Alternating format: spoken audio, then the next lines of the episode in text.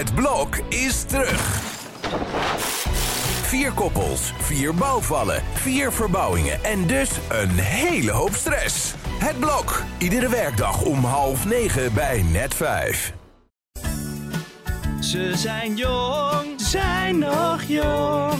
En hun harten liggen op hun tong. Altijd alert, erg alert. Hun mening eindelijk ongefilterd. Dit is Ongefilterd met Kitty en Elif. Hallo, daar zijn we weer. Ja, Welkom. Eh, we gaan het vandaag hebben over een van onze lievelingsonderwerpen ooit. Gierigheid, geld en tikkie-terreur. we gaan zo meteen eh, praten nog met eh Beatrice Ritsema van eh, de geweldige etikettenrubriek in Trouw. En we horen nog Danielle Brown, antropoloog, en die gaat ons vertellen of het waar is wat mensen altijd zeggen dat Nederlanders gierig zijn. Maar eerst wil ik natuurlijk weten waar Kitty zich aan geërgerd heeft deze week. Nou, ik heb een vervelende, maar ook positieve mededeling. Ik heb me niet heel erg geërgerd. Gisteren ehm, was ik vrij, wat heel fijn is. Op een doordeweekse dag was ik vrij. Dat is heel fijn als je dan opstaat en je hebt echt, ik had echt zo'n dag dat je helemaal niks hoeft te doen. Dat is het Oh, allerfijnste, toch? Ja. En dan op een doordeweekse dag, wat nog relaxer is. En toen was ik dus naar een nieuwe massagesalon gegaan in Amsterdam. En toen had ik een hele uitgebreide shiatsu massage genomen. Oké. En toen voelde ik alle ergernis uit mijn lichaam stromen. En toen dacht ik, dit ga ik aan Elif cadeau doen voor haar verjaardag. Oh, wat Bijna lief. is. Ja, Dankjewel. ja. Ja, Dus- dat kost je ook geen geld op deze manier. Dus dat is een mooie, mooie bijkomstigheid. zeker wel, zeker wel. Maar hoe, hoe lang denk je dat die... Jij vermoedt weer meteen gierigheid hierachter. Terwijl ik gewoon een lief aardig gebaar wil geven. Maar hoe lang denk je dat die fase van non-ergernis gaat duren? Ehm, nou, volgens mij gaan we ons zo met- zo meteen aan heel veel dingen ergeren. Dus, is- ja, dus- dit is echt een grote ergernispodcast. Dus ik denk dat we de introducerende ergernissen eigenlijk eh, kunnen overslaan. Oké. Ja, want we gaan het vandaag dus hebben over ehm, geld en gierigheid en tikkie-terreur. En tikkie-terreur, eh, dat is volgens mij een woord wat jij hebt verzonnen. Volgens mij ook. Ja. Ik weet het niet zeker, maar ik wil hem graag claimen. Met alle liefde. Nou, ik, ik heb er dus ook wel eens over geschreven. Toen heb ik het woord ook gebruikt. En als je nu tikkie-terreur, eh, dan komt er op een soort woordenboek site, komt mijn naam naar boven. Dus sorry daarvoor. Oké, daar heb- ga ik, ik heb wel hem- ik heb hem royalties voor ingepikt. chargen of iets in die trant. Maar Ja, maar het is een geliefd eh, onderwerp voor ons. Ehm, en als we dan een breder over gierigheid hebben, dan vroeg ik me eigenlijk af, hoe gierig ben jij? Kan je je herkennen in gierigheid? eh, nee, ik, ik vind mezelf dus, eh, correct me if I'm wrong, maar ik vind mezelf dus totaal niet gierig. Maar dat komt ook omdat ik eigenlijk heel weinig oog heb voor geld. Ook, ook op een, een slechte manier, zeg maar. Ik weet ook niet hoe duur producten zijn uit mijn hoofd en, en dat soort dingen. Je bent een soort Job Cohen die dan niet weet hoeveel een pak melk kost. Precies, ik, ik moest daar ook aan denken, want eh, een tijdje geleden had je natuurlijk die ophef, hashtag ophef weer, over eh, Kaag, die het had over hoe duur een halve liter pak melk was. En daar was ze heel trots op dat ze dat uit haar hoofd wist. Dat had ze natuurlijk van tevoren erin in laten stampen door haar campagneteam. En toen viel iedereen over haar heen omdat ze een halve liter melkpak kocht in plaats van een heel liter melkpak. En toen weet ik nog dat ik dacht, wat maakt dat uit? Maar dat was blijkbaar echt een, een soort rode lap op een stier voor heel veel mensen. Omdat die het dan dus zonde vinden dat je een halve liter pak melk koopt. En ik weet nog dat ik het ook met mijn collega's daarover had. En ik zei, ja, ik snap niet wat hier mis aan is. Want ik koop ook altijd een halve, halve liter pak Maar melk. waarom is dat zonde? Om de verpakking is dan zonde Omdat je dan dus meer betaalt voor minder. Snap je? Dus er zit ook een gierige gedachte achter van je moet een heel liter pak melk kopen, want dan betaal je minder cent per 100 milliliter melk of zo. Dat, dat schijnt zo te zijn. Terwijl ik koop ook altijd halve liters, want ik drink geen melk. Vind, ik vind het echt fucking goor, maar ik gebruik het alleen voor cappuccino. En nou ja, ik denk dat Sigrid Kaag dat misschien ook doet. Want anders zou je met een heel gezin, denk ik, misschien wel een heel, heel liter of twee liter pak. Maar iedereen werd daar heel boos over. Iedereen vond dat heel elitair. Serieus? Ja, ja dat was echt dit- een verwijt toen. En ik, ik, ik, ik snapte het echt niet. Ik dacht echt van, oké, maar dat, dat was dus een heel ding bij heel veel mensen. Nou, ja. Ja, maar ja goed, wij zijn dan ook van die elitaire halve liter melkpakkopers. Ik koop sowieso Ja. nooit melk, ik koop alleen Havermelk. ja, maar jij woont dan ook in Amsterdam. Dat is waar. Ja, maar hoe gierig ben jij? Of vind jij jezelf? Ehm, ik vind mezelf niet gierig. Ik vind het leuk om mensen te trakteren. En ik vind het ook leuk om voor dingen te betalen. Maar ik kan wel gierig zijn. Ik kan soms een bui hebben en dan word ik opeens gierig. Of als ik heel vaak voor mensen heb betaald, dan Oh ja. ben ik er opeens klaar mee. En dan denk ik, nee, nu ga ik je ook gewoon een tikkie sturen. En ehm, Ja. ja, Ja, Dus dat- er zit dat- wel iets in ja. van, ik verwacht wel een soort wederkerigheid, denk ik. Of dat ik dan, weet ik van de supermarkt, dan kan ik echt zo denken van, oh nee, dat vind ik te duur of zo. Terwijl ik dan, Oh, echt? ja, En, en- wat is dan zoiets wat je te duur vindt bijvoorbeeld? Ehm ik een pijnboompitten of zo. Dan denk ik, ja, ik ga geen 5 euro betalen voor zo'n zakje pitten. Dus dan maak je salade of zo zonder pijnboompitten. ja, terwijl het is wel heel lekker. Dus Ja, ja, oké. Ehm, nee, maar ik begrijp wel wat je bedoelt. Want met zo'n gierige bui, of tenminste als je het gevoel hebt dat mensen misbruik maken van het feit dat jij het dus niet erg vindt om te betalen, want die mensen heb je natuurlijk wel, dan kan ik er ook wel. Ik denk, ja, nu, nu ben ik er klaar mee. Van, je merkt bij sommige mensen gewoon dat ze het heel erg erop aansturen dat een ander dan gaat betalen of zo. En dat ze dat dan als een soort mini-overwinning zien. Ik vind het ook wel heel lekker hoor. Als iemand je trakteert, is echt, echt Nee, wel als iemand je trakteert, maar je hebt van die mensen die altijd, vooral in een groepsverband, dan zeg maar, dat zijn altijd degene die dan het, het bela- of, eh, belasting ontduiken. Wow, beroepsdeformatie match. Eh, betaling ontduiken, zeg maar. Dus die dus niet, die dus altijd, dus het is altijd in een groep één persoon die nooit betaalt, zeg maar. En die altijd een soort van net weg is als de rekening komt of zo. Of zich heel stil houdt als de rekening komt. Of, of dat soort dingen. Je hebt gewoon van dat soort mensen. Herken je Ja. dat niet? Ja, ik heb het ook wel eens meegemaakt in een groep. Dat je dan bijvoorbeeld samen iets doet en dan iedereen betaalt gewoon iets. En dat wordt je dan niet op de cent of zo afgerekend. Of iedereen neemt gewoon iets mee. Of weet je, Ja. of je gaat ergens naartoe. En dan dat één persoon dan alsnog alles wat diegene heeft betaald op de cent wil verrekenen. Dat Ja. is altijd. Zulke mensen zijn heel vermoeiend. Maar ik, ik weet niet, dit soort dingen zijn voor mij wel echt een dealbreaker. Als mensen dit soort dingen doen, dan wil ik eigenlijk niet echt. Ik, ik, ik ban dat soort gierige mensen, die ban ik wel echt een beetje uit mijn leven. Want dat vind ik echt iets heel irritants. Ja, ja, zover ga ik niet, maar ik maak ze wel belachelijk. Maar jij zegt dan gewoon van je bent gierig. Ja, Maar bij sommige mensen kan je dat niet doen. Of nee, er... ik doe het ook niet altijd. Nee, nu klinkt het alsof ik dat altijd. Nee, maar met mensen bij mensen die ik goed ken, daar doe ik dat wel bij. En ik heb ook inmiddels door mijn column die ik ooit heb geschreven, waar ik zodanige faam mee heb verworven, dat mensen mij dus geen tikkies meer durven te Ja, wat sturen. vertel even over die column. Eh, nou ja, ik had een paar jaar geleden, voor het, toen ik nog bij het FD eh, column schreef, ik daar een column geschreven over tikkies en hoe tikkie een soort extra manier zijn om eh, de hoffelijkheid van mannen in Nederland weg te halen, voor zover die al bestond. Ik leidde hem eigenlijk een beetje in met een collega die toen, ik weet nog wel, de ochtenddienst op de krant, echt om zeven uur s ochtends of zo. En er zat een collega bij en die vroeg van, eh, ja, ik ga even naar de eh, Albert Heijn to go om een kopje koffie te halen, wil je ook wat? Dus ik zei, oh ja, lekker, doe maar cappuccino. Nee, dus nou, toen ging ik weer verder werken en toen kwam hij terug en toen eh, vroeg hij van, ja, mag ik je nummer, want dan kan ik je even een tikkie sturen. En ik was echt heel verbaasd, want ik, het, zeg maar, ik was echt op dat moment echt een soort van flabbergasted, want ik dacht van, jij biedt mij koffie aan en dan ga je me dus een tikkie sturen van, nou, 1,95 of weet ik veel wat het was, 2,50 voor een kopje koffie in de ochtend. En ik vond dat zo raar. Maar ja, later kwam ik erachter dat er nog veel ergere bedragen zijn waar mensen tikkies voor sturen. Want er gaan volgens mij ook tikkies van echt 20, 30 cent of zo. Maar ik had daar toen een column over geschreven en dat werd een heel ding bij de krant, omdat iedereen wilde weten wie de collega was. Maar heeft die persoon je ook nog gecontact? Nee, Oh, ik heb zijn identiteit geheim gehouden al deze tijd. En dat tot grote ergernis van al mijn ex-collega's bij het FD. Want die hebben het echt vaak aan me gevraagd. Maar ik, ik doe wel gewoon aan bescherming van mensen hun identiteit. Ik wil iemand niet kapot maken. Maar ik had zoiets van, ja, het feit dat ik er een column over schrijf... is al erg genoeg voor hem. ik denk toch ook dat het deels ook wel cultureel is. Want zou mijn eer te na zijn om een tikkie te sturen van 2 euro? Maar heb ik dat nog nooit gedaan? Maar zo wordt dat door heel veel mensen dus niet gezien. Want het is gewoon no big deal of zo.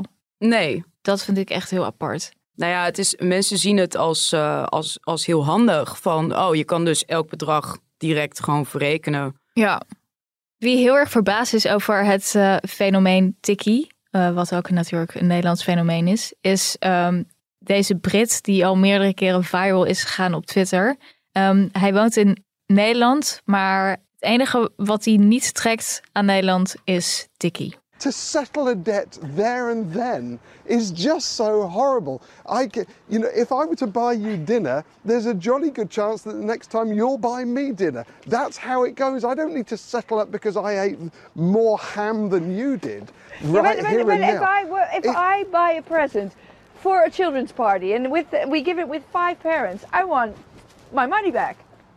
Why? Because then the next time, when the next child does it, then you don't pay for it and they do. And then, if what, are we all going to die tomorrow? And, we, and even then, do we have to settle our debt today? Well, I, have, I mean, you know, the worst case scenario is that you owe somebody dinner when you drop dead tomorrow. And I mean, we're not talking about buying houses. We're talking about buying dinner.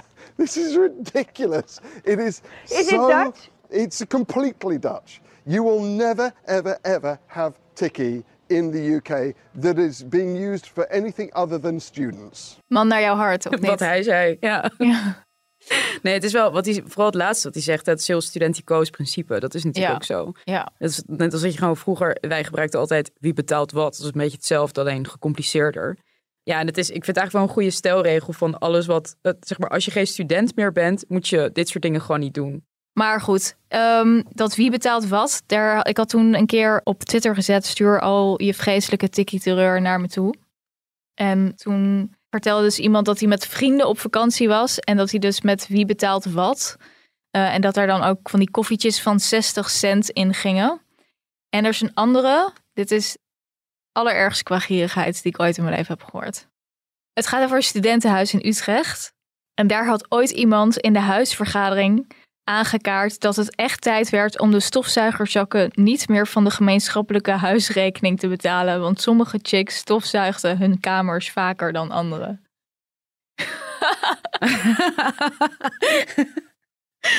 Eh, ja, oké, dit is wel echt... Maar dat, dat is echt ziek, Ja, toch? Dat ja. is gewoon echt ziek. Ja. Dat, dat soort, dat is wel extreem, dat Ja. soort gierigheid. Of, ik, deze kreeg ik van een collega, die vertelde dat. Eh, dat hij een keer met mensen van zijn studie later nog een keer iets ging drinken in een café. En toen eh, hadden ze bittergarnituur besteld met 10 bitterballen. En toen gingen ze uitrekenen hoe duur iedere bitterbal was. Zodat ze eerder konden verdelen. En dan moest iedereen zeggen hoeveel hij er had gegeten. En dan werd een tikkie gestuurd. en hij voegde toe. En we hadden allemaal een fulltime baan. Ik schaam me zo intens dat ik alles heb betaald. Ja, terecht. Dat zou ik ook hebben gedaan. Ja, Ja. Om gewoon van het gezeik af te komen, want het slaat echt helemaal nergens op. Ja. ja, ik heb ook een keer iets meegemaakt. En ehm, toen stuitte ik ook vol op een muur van onbegrip met mensen om me heen. Ehm, dit is echt heel lang geleden, maar het is me altijd bijgebleven. Ik studeerde toen nog en toen, ik denk dat ik 23 was of zo. En toen had een goede kennis, iemand die een vriendin zou worden, weet je, in die beginfase, die had mij toen uitgenodigd om eh, bij haar te eten. En eh, dat was buiten Amsterdam. Mijn zus zou er ook bij zijn. Dus het was zeg maar een groepje van vier, vier, vijf mensen, zoiets. Dus, of nee, het was vier mensen. Zij en haar vriend en dan mijn zus en ik. En toen appte ze me een dag van tevoren. Hey, ik zat even te kijken wat we doen met eten. Kan jij het hoofdgerecht meenemen? En ik dacht echt, what the fuck is dit? Maar toen zei ze ja, als je. En toen stuur ik terug van. eh, nou, ik heb de hele dag college morgen, dus ik heb niet echt tijd om een hoofdgerecht te maken. En ik dacht dat we dat bij jou zouden eten, toch? En toen eh, was het zo van, ja, je kunt ook anders gewoon even boodschappen doen en het dan bij mij maken. En ik dacht echt, wat is dit? En toen had dus aan mijn zus gevraagd of die het voorgerecht kon maken en dan zou zij het toetje doen. Maar toen dacht ik echt, wat, wat, wat is dit? Gewoon, dit is toch totaal bizar? I- Dit is wel echt, echt heel erg, ja. Ja. ja. En toen had ik het dus met andere vrienden, of één vriend, die legde ik dit voor. Toen zei ik, nou, wat me nu overkomt, dat is toch ongelooflijk. En die zei zo, nou, ik heb het wel vaker met vrienden dat je dan even van tevoren bespreekt. hey, wat doen we met eten? Zou ik even iets meenemen? Doe jij even dit? Dan... Maar je vraagt mensen, ik kom zeg maar speciaal uit Amsterdam.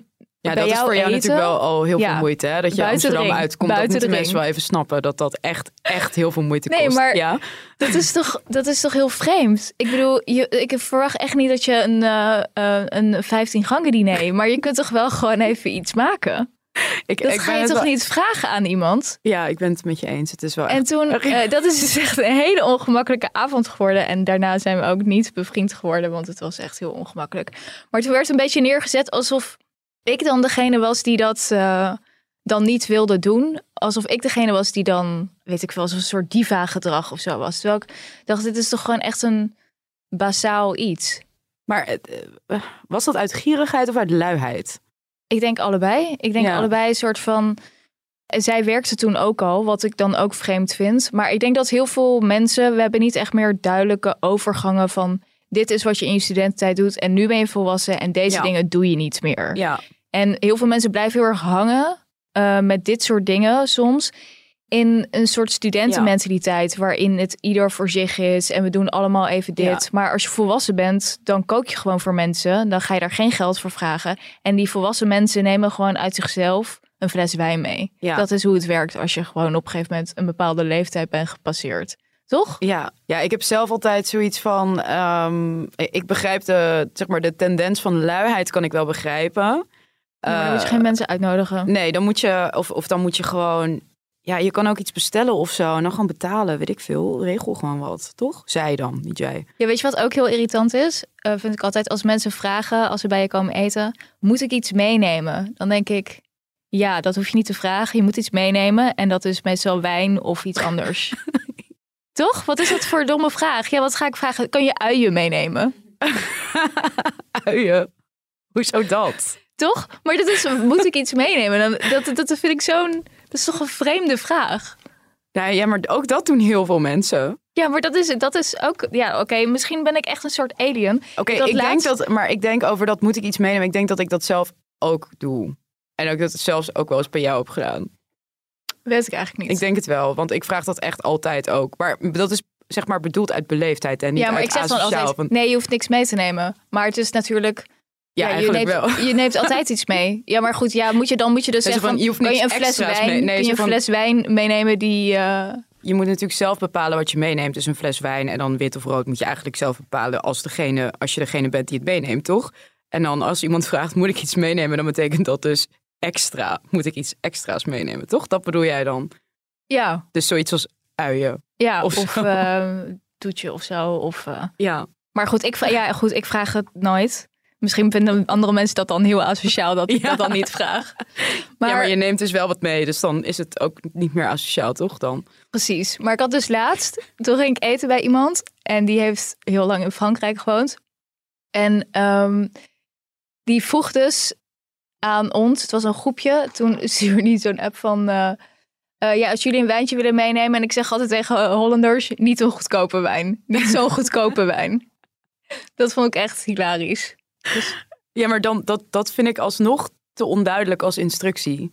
Nee, ik denk dat hij gewoon bedoelt, eh, neem niet een Albert Heijn fles ja, maar ik denk niet dat mensen 3 dat zo. Ik denk dat mensen dan denken: oh, oké, dus het moet duurder zijn dan 7 euro, wat nog steeds gewoon heel goedkoop is voor wijn. Dus eigenlijk moet je zeggen: nemen wij mee die duurder is dan 30 euro. Als Nee, dat hoeft niet per se. Maar het is meer van ga even naar een wijnhandel Ja. en doe even moeite. In plaats van dat je een of andere eh gare wijn uit de- Bonuswijn. bonuswijn.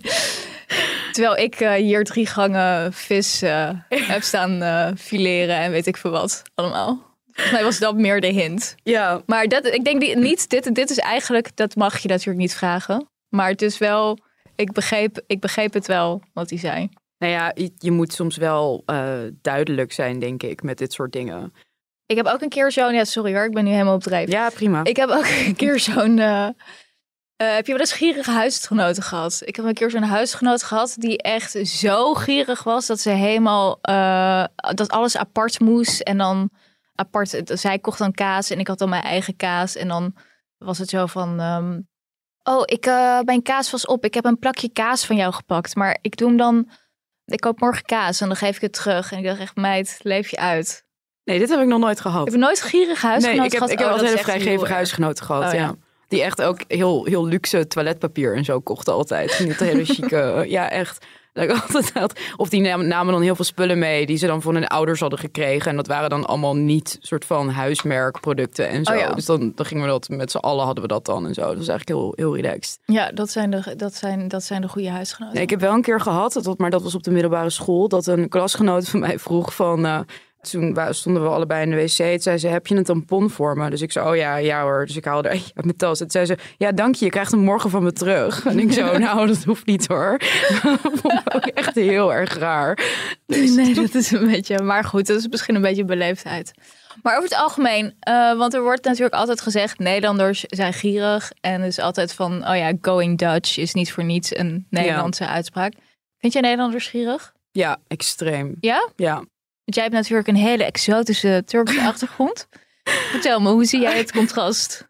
Dit is heel eh, etnisch profilerend, hoe je, vind ik, hoe je bezig bent. Maar ehm, eh, nee, ik vind Nederlanders wel echt gierig, ja. Want het, eigenlijk, in, ik, ik heb zoiets van in bijna elk ander land waar ik ervaring mee heb, doen mensen niet zo. Dus ook bijvoorbeeld als je in een, in een restaurant gaat eten, dat je dan dus de rekening gaat splitten.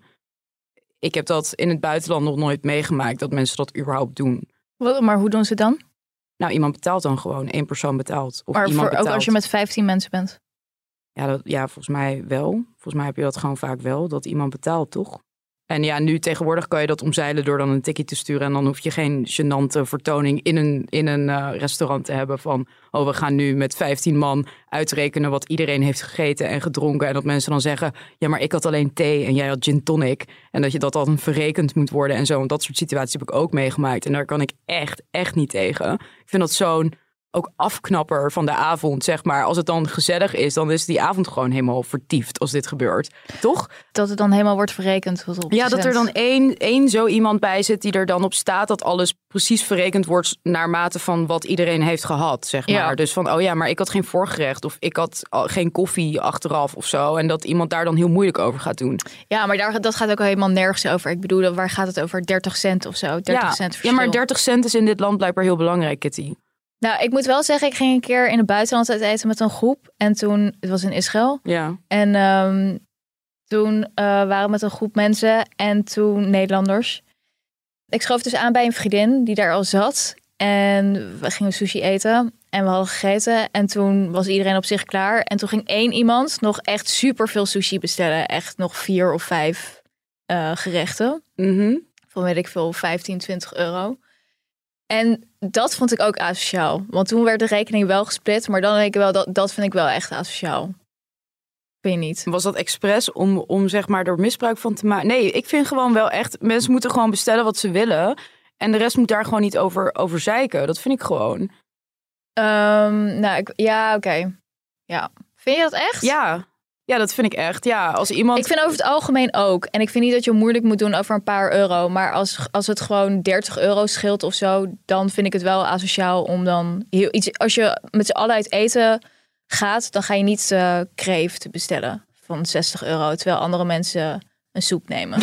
Snap je? Nou ja, ja, maar dan is het meer dat die persoon dan moet aanbieden van... eh, ik betaal wel meer, want ik heb meer gehad. Dat, dat vind ik wel Dat vind ik dan heel asociaal als dat dan niet eens wordt aangeboden. Ja, dat er dan maar ja. van uit wordt gegaan dat iedereen voor jouw feestmaal moet betalen.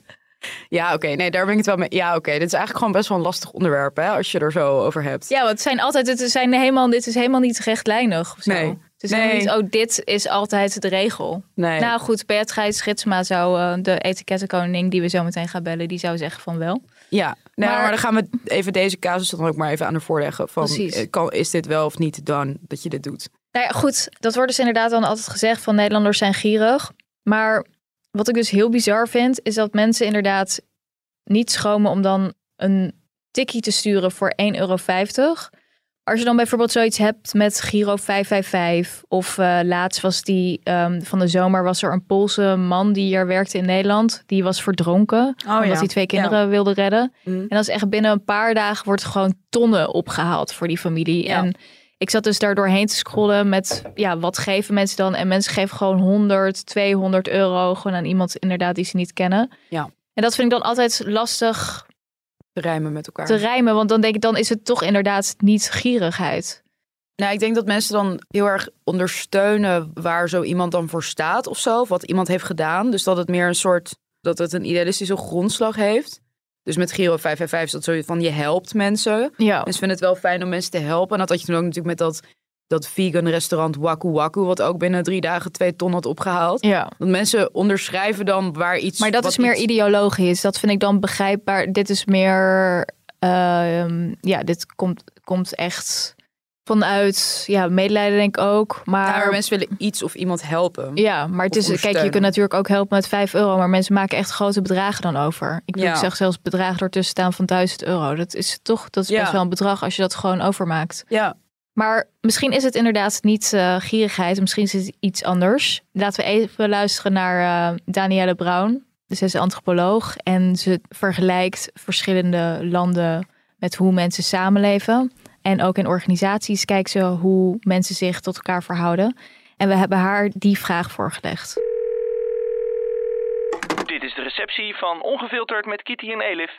Ik verbind u door. Zijn Nederlanders gieriger dan mensen in andere landen? Ja, dat is een hele goede vraag. En daar zit gelijk natuurlijk een enorm oordeel in. Je hoort het wel vaak hoor, dat van eh expats of eh, mensen die hier wonen uit een ander land, dat ze zeggen, oh die Nederlanders die zijn zo gierig.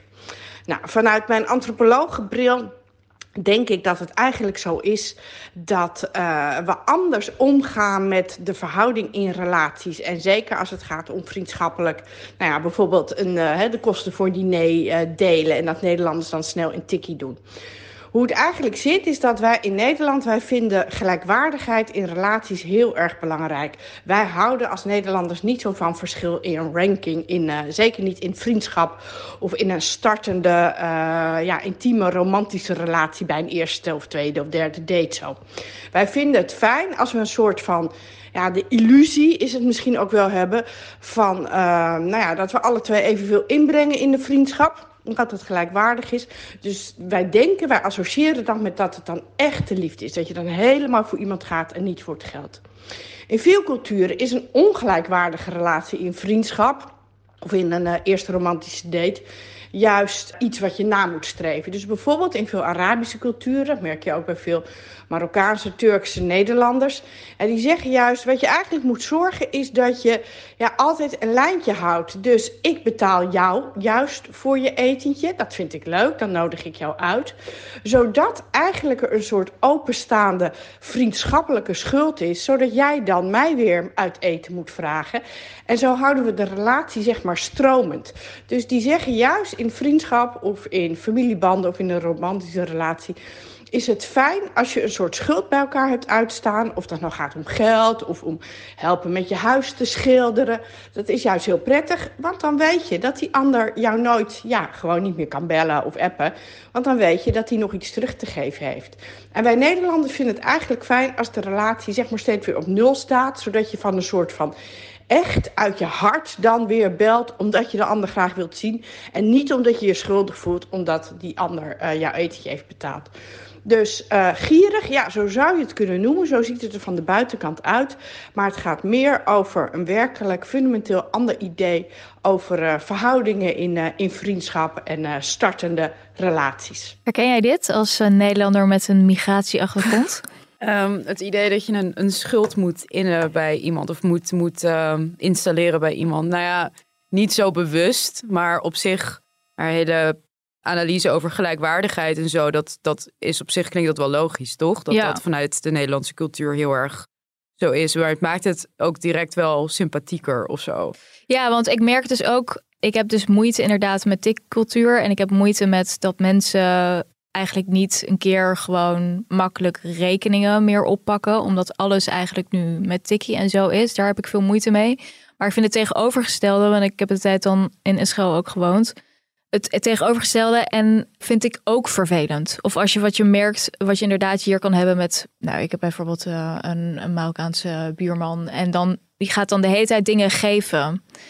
En dan moet je dus de hele tijd iets gaan teruggeven. Dat, dat Oh ja, kost ook ja. best wel veel energie of zo. En dat, dat heeft inderdaad ook te maken met dan... Je voelt dan ook als iemand jou de hele tijd dingen geeft van... oh, ik kan geen nee zeggen op het moment dat iemand dan iets van mij vraagt... en het komt eigenlijk Ja, niet uit. Ja, dat soort dingen. Ja, ja. Dat vind ik dus wel echt iets super irritants. En dan, dan denk ik altijd weer van... oh, dan ben ik eigenlijk wel gewoon blij met die Nederlandse cultuur. Want ook in Israël is bijvoorbeeld...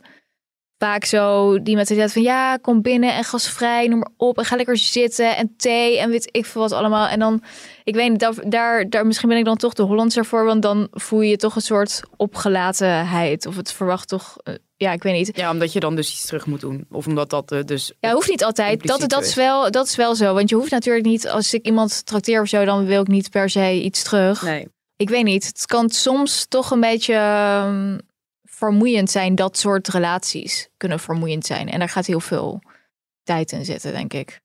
Ja, precies. Maar er, er is denk ik wel een, eh, een gulden middenweg door gewoon wel af en toe voor iemand te betalen. En, en niet per se dus elke dag bij iemand aan te kloppen van hier wil je eten van mij of zo. Eh, zeg maar, dat is natuurlijk een, ja, een beetje een soort doorgeschoten en ook een beetje stereotyp, denk ik, voor Nederlanders met een migratieachtergrond, weet je wel. Van, oh ja, die komen elke dag langs om koekjes te brengen en om bakken eten te brengen en zo. Terwijl dat niet altijd zo is. Nee, tuurlijk, dat is ook helemaal niet zo. Maar goed, het komt wel. eh, er is sowieso gasvrijheid. Nederlanders zijn echt een stuk minder gasvrij. Ja. Dat merk je gewoon echt. Als je bij Ja. mensen met migratieachtergrond thuiskomt, dan is dat echt een verschil. Ja. En het heeft ook met klassen te maken. Want de buurt waar ik ben opgegroeid, nou, was sowieso een multiculturele wijk, maar ook gewoon een achterstandswijk. En pas toen ik naar school ging, ehm, eh, zeg maar meer de, in de middenklasse of in de hoge middenklasse, pas toen als ik bij mensen thuis kwam, hoorde ik dingen als je moet naar huis, want we gaan eten.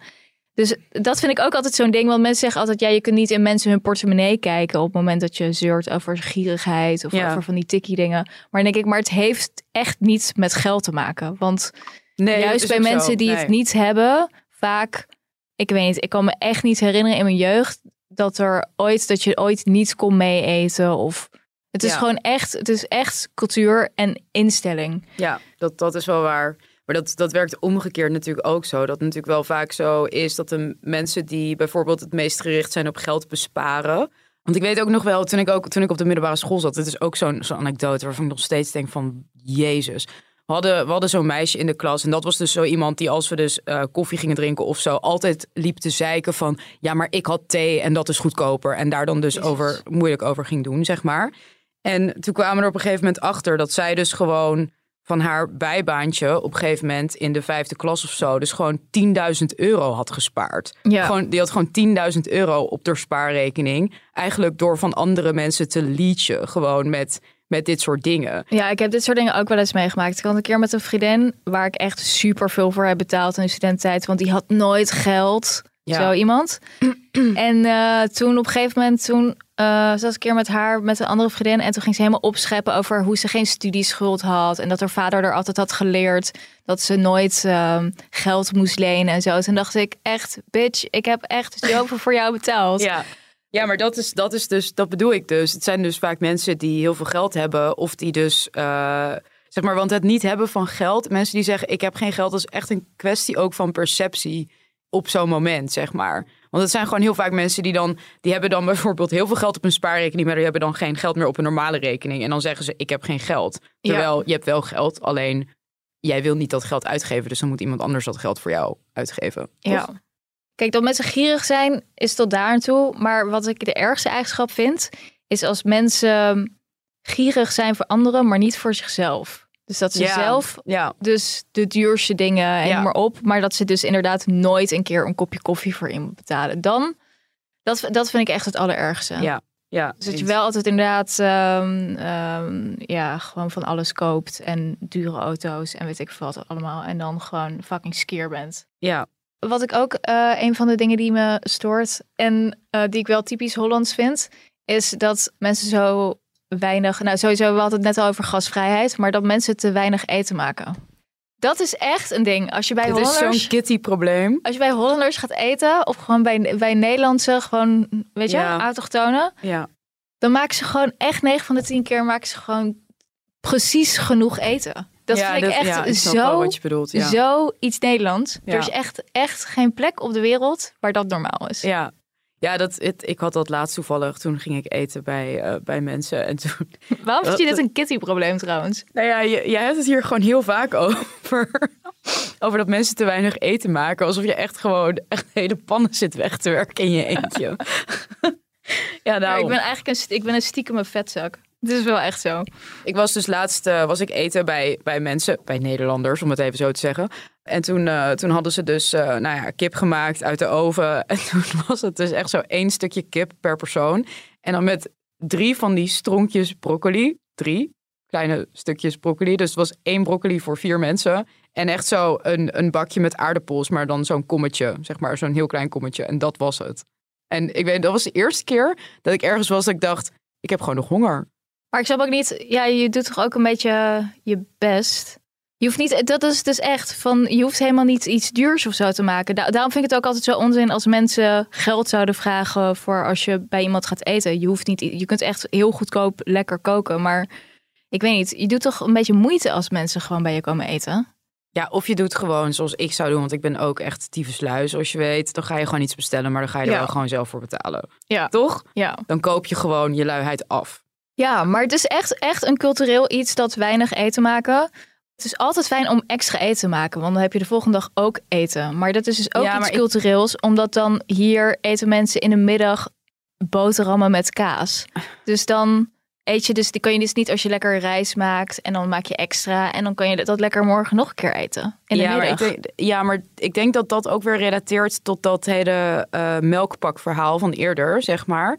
Want dit heb ik eigenlijk ook een beetje. Ik ben best wel Calvinistisch met eten weggooien. Ik hou daar echt niet van. Zeg maar, ik vind dat echt. Het, doet altijd een beetje pijn als ik eten moet weggooien. Dus Ja. dan betaal ik liever wat meer voor iets waarvan ik weet van oké, dat is precies genoeg voor mezelf dan. En dan hoef ik niks weg te gooien, zeg maar. En ik denk dat het met dit ook zo is. Van als je heel veel eten maakt en je kan het wel bewaren, maar als je het dan dus niet op tijd opeet, dan moet je het alsnog weggooien. En dat is gewoon heel naar. Maar je kunt toch plannen dat je het gewoon dan als lunch Ja, maar eet? misschien heb je er dan geen zin in.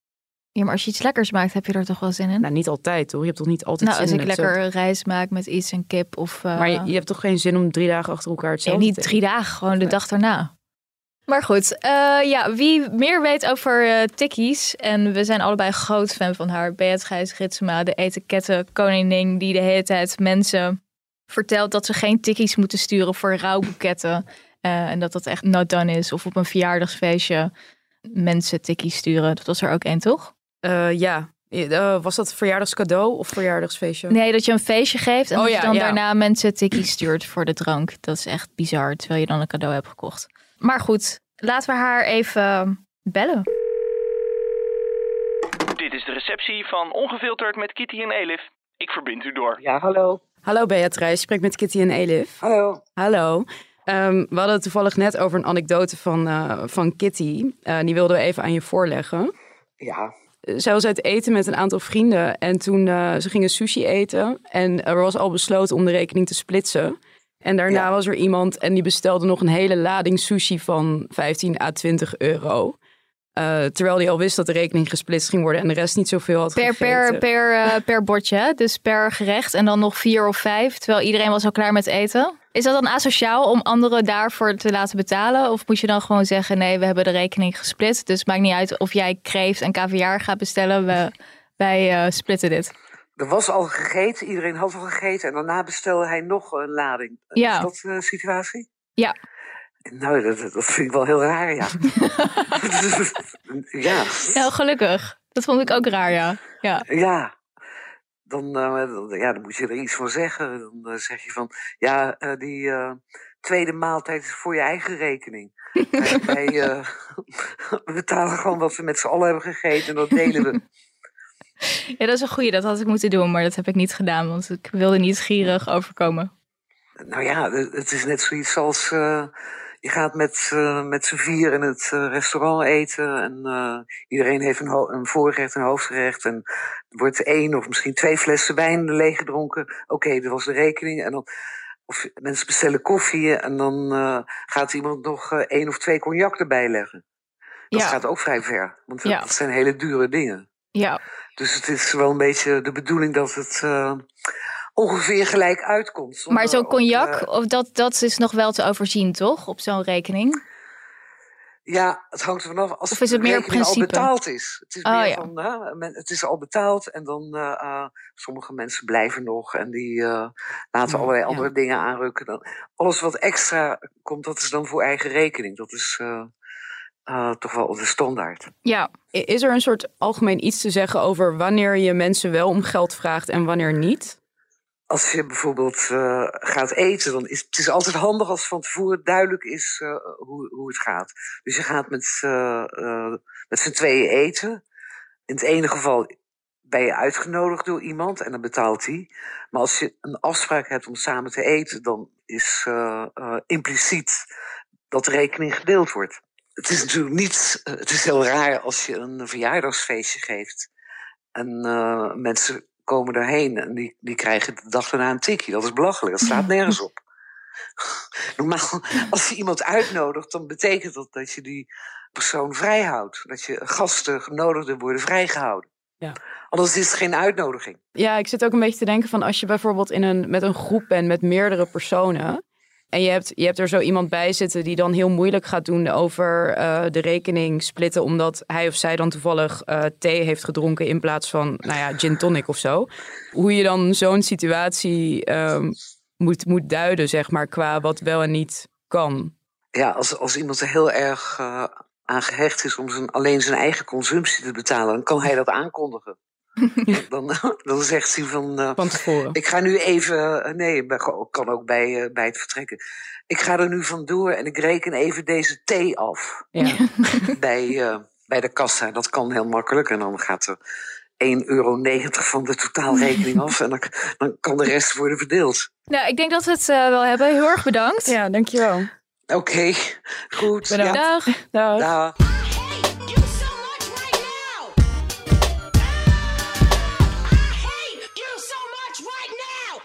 Influencer van de week. Ja, ik zag een um, heerlijke tweet voorbij komen. Ik snap motivatiebrief niet voor sollicitatie eigenlijk. Mijn motivatie is: ik zoek werk, jij hebt werk. Mijn passies zijn dak boven mijn hoofd, rekeningen betalen. Eten en Netflix kijken, what the fuck. En het is getweet door Lia, parkeer die asser op me. maar ik vind dat uh, Lia een punt heeft. Um, het doet me denken aan een boek wat ik uh, ooit heb gelezen van uh, Charles Bukowski. Dat is een bekende lowlife. zo omschreef hij zichzelf ook. En die had alleen maar van die gare banen. En dit speelde in Amerika tientallen jaren geleden. En hij rookte heel veel en hij dronk heel veel. En hij ging van baan naar baan. En hij heeft een, zijn debuut ging over dat hij bij een post office werkte. Het, boek heet ook Post Office. Daar beschrijft hij in dat de, dus de om, omschakeling in cultuur, dat het dus niet meer genoeg is dat je gewoon je werk doet en gewoon op komt draven, maar dat je een passie moet hebben voor postbezorgen. en dit is zo ver doorgevoerd, toch? Dat iedereen de hele tijd moet doen alsof hij over alles gepassioneerd is. Terwijl heel veel dingen zijn gewoon werk. Je doet gewoon je werk. Je doet waar je voor betaald wordt, want je wil niet dakloos zijn. Toch? Ja, dat is wel fair om de, ja, ja, Dus ik vind dat hij een heel goed punt heeft. Ja, ja. Um, het hangt denk ik wel van de, sector af. Ja, maar zelfs in, in dingen... Nou, wij zitten dan in een sector waarin de meeste mensen wel hun werk leuk, vinden, over het algemeen. Maar dat wil nog niet zeggen dat 100% van je baan leuk is, toch? Dus er zijn altijd aspecten die niet leuk zijn of wat dan ook. Of je kunt niet de hele tijd als een soort van passievol. Alles is passie. Het, is, het heeft ook een keerzijde als je werk alleen maar passie is. Want dan, ja. als je heel je ziel en zaligheid, dan neem je misschien ook alles heel persoonlijk op op het moment dat het uh, minder niet gaat. of, ja. Uh, toch? Ja, en, en je moet elkaar natuurlijk bij sommige, sommige werk gewoon niet voor de gek houden. Van als jij vuilnis moet ophalen, dan moeten we niet doen alsof je daar zeg maar een intense passie voor bent. Daar zou ik nog wel kunnen als je echt gewoon lekker van opruimen houdt en zo. Ik volg dus mensen op TikTok. En je hebt dus, dus nu heel populair van die schoonmaakaccounts. En dat zijn dan allemaal mensen die schoonmaken, een soort van obsessief schoonmaken. En die zijn dan ook die hebben dan van hun, hun hobby hun beroep gemaakt. Want ze houden heel erg van schoonmaken. En die gaan dan aan andere mensen. En dat is echt een hele community van mensen die zeggen: Oh, dat is zo chill. Ja, maar dat is, is, echt niet gezond. Het, is echt een beetje ziek. Ja, dat is omdat jij een hekel hebt aan schoonmaken, zeker? Nee, maar ik, eh, ik ben ook een beetje neurotisch daarmee. Dat als ik eenmaal begin met schoonmaken, dan moet het echt een soort van allemaal heel goed en zo. Dus daarom. Daarom begin je er maar niet aan. Nee, ik maak wel schoon. Waarom doe je alsof ik niet schoonmaak? Ik maak wel schoon, alleen niet heel. Ik, niet, ik doe het niet heel graag. Nou goed, met deze, op deze noot gaan we daar een eind aan breien. Ja, lijkt me goed. Ehm, vond je het een leuke podcast? Laat dan een review achter. alleen En, als die eh, positief Alleen is. als die positief is. Wij doen niet aan... ehm, Negativiteit. precies. Tot de volgende keer. Doeg.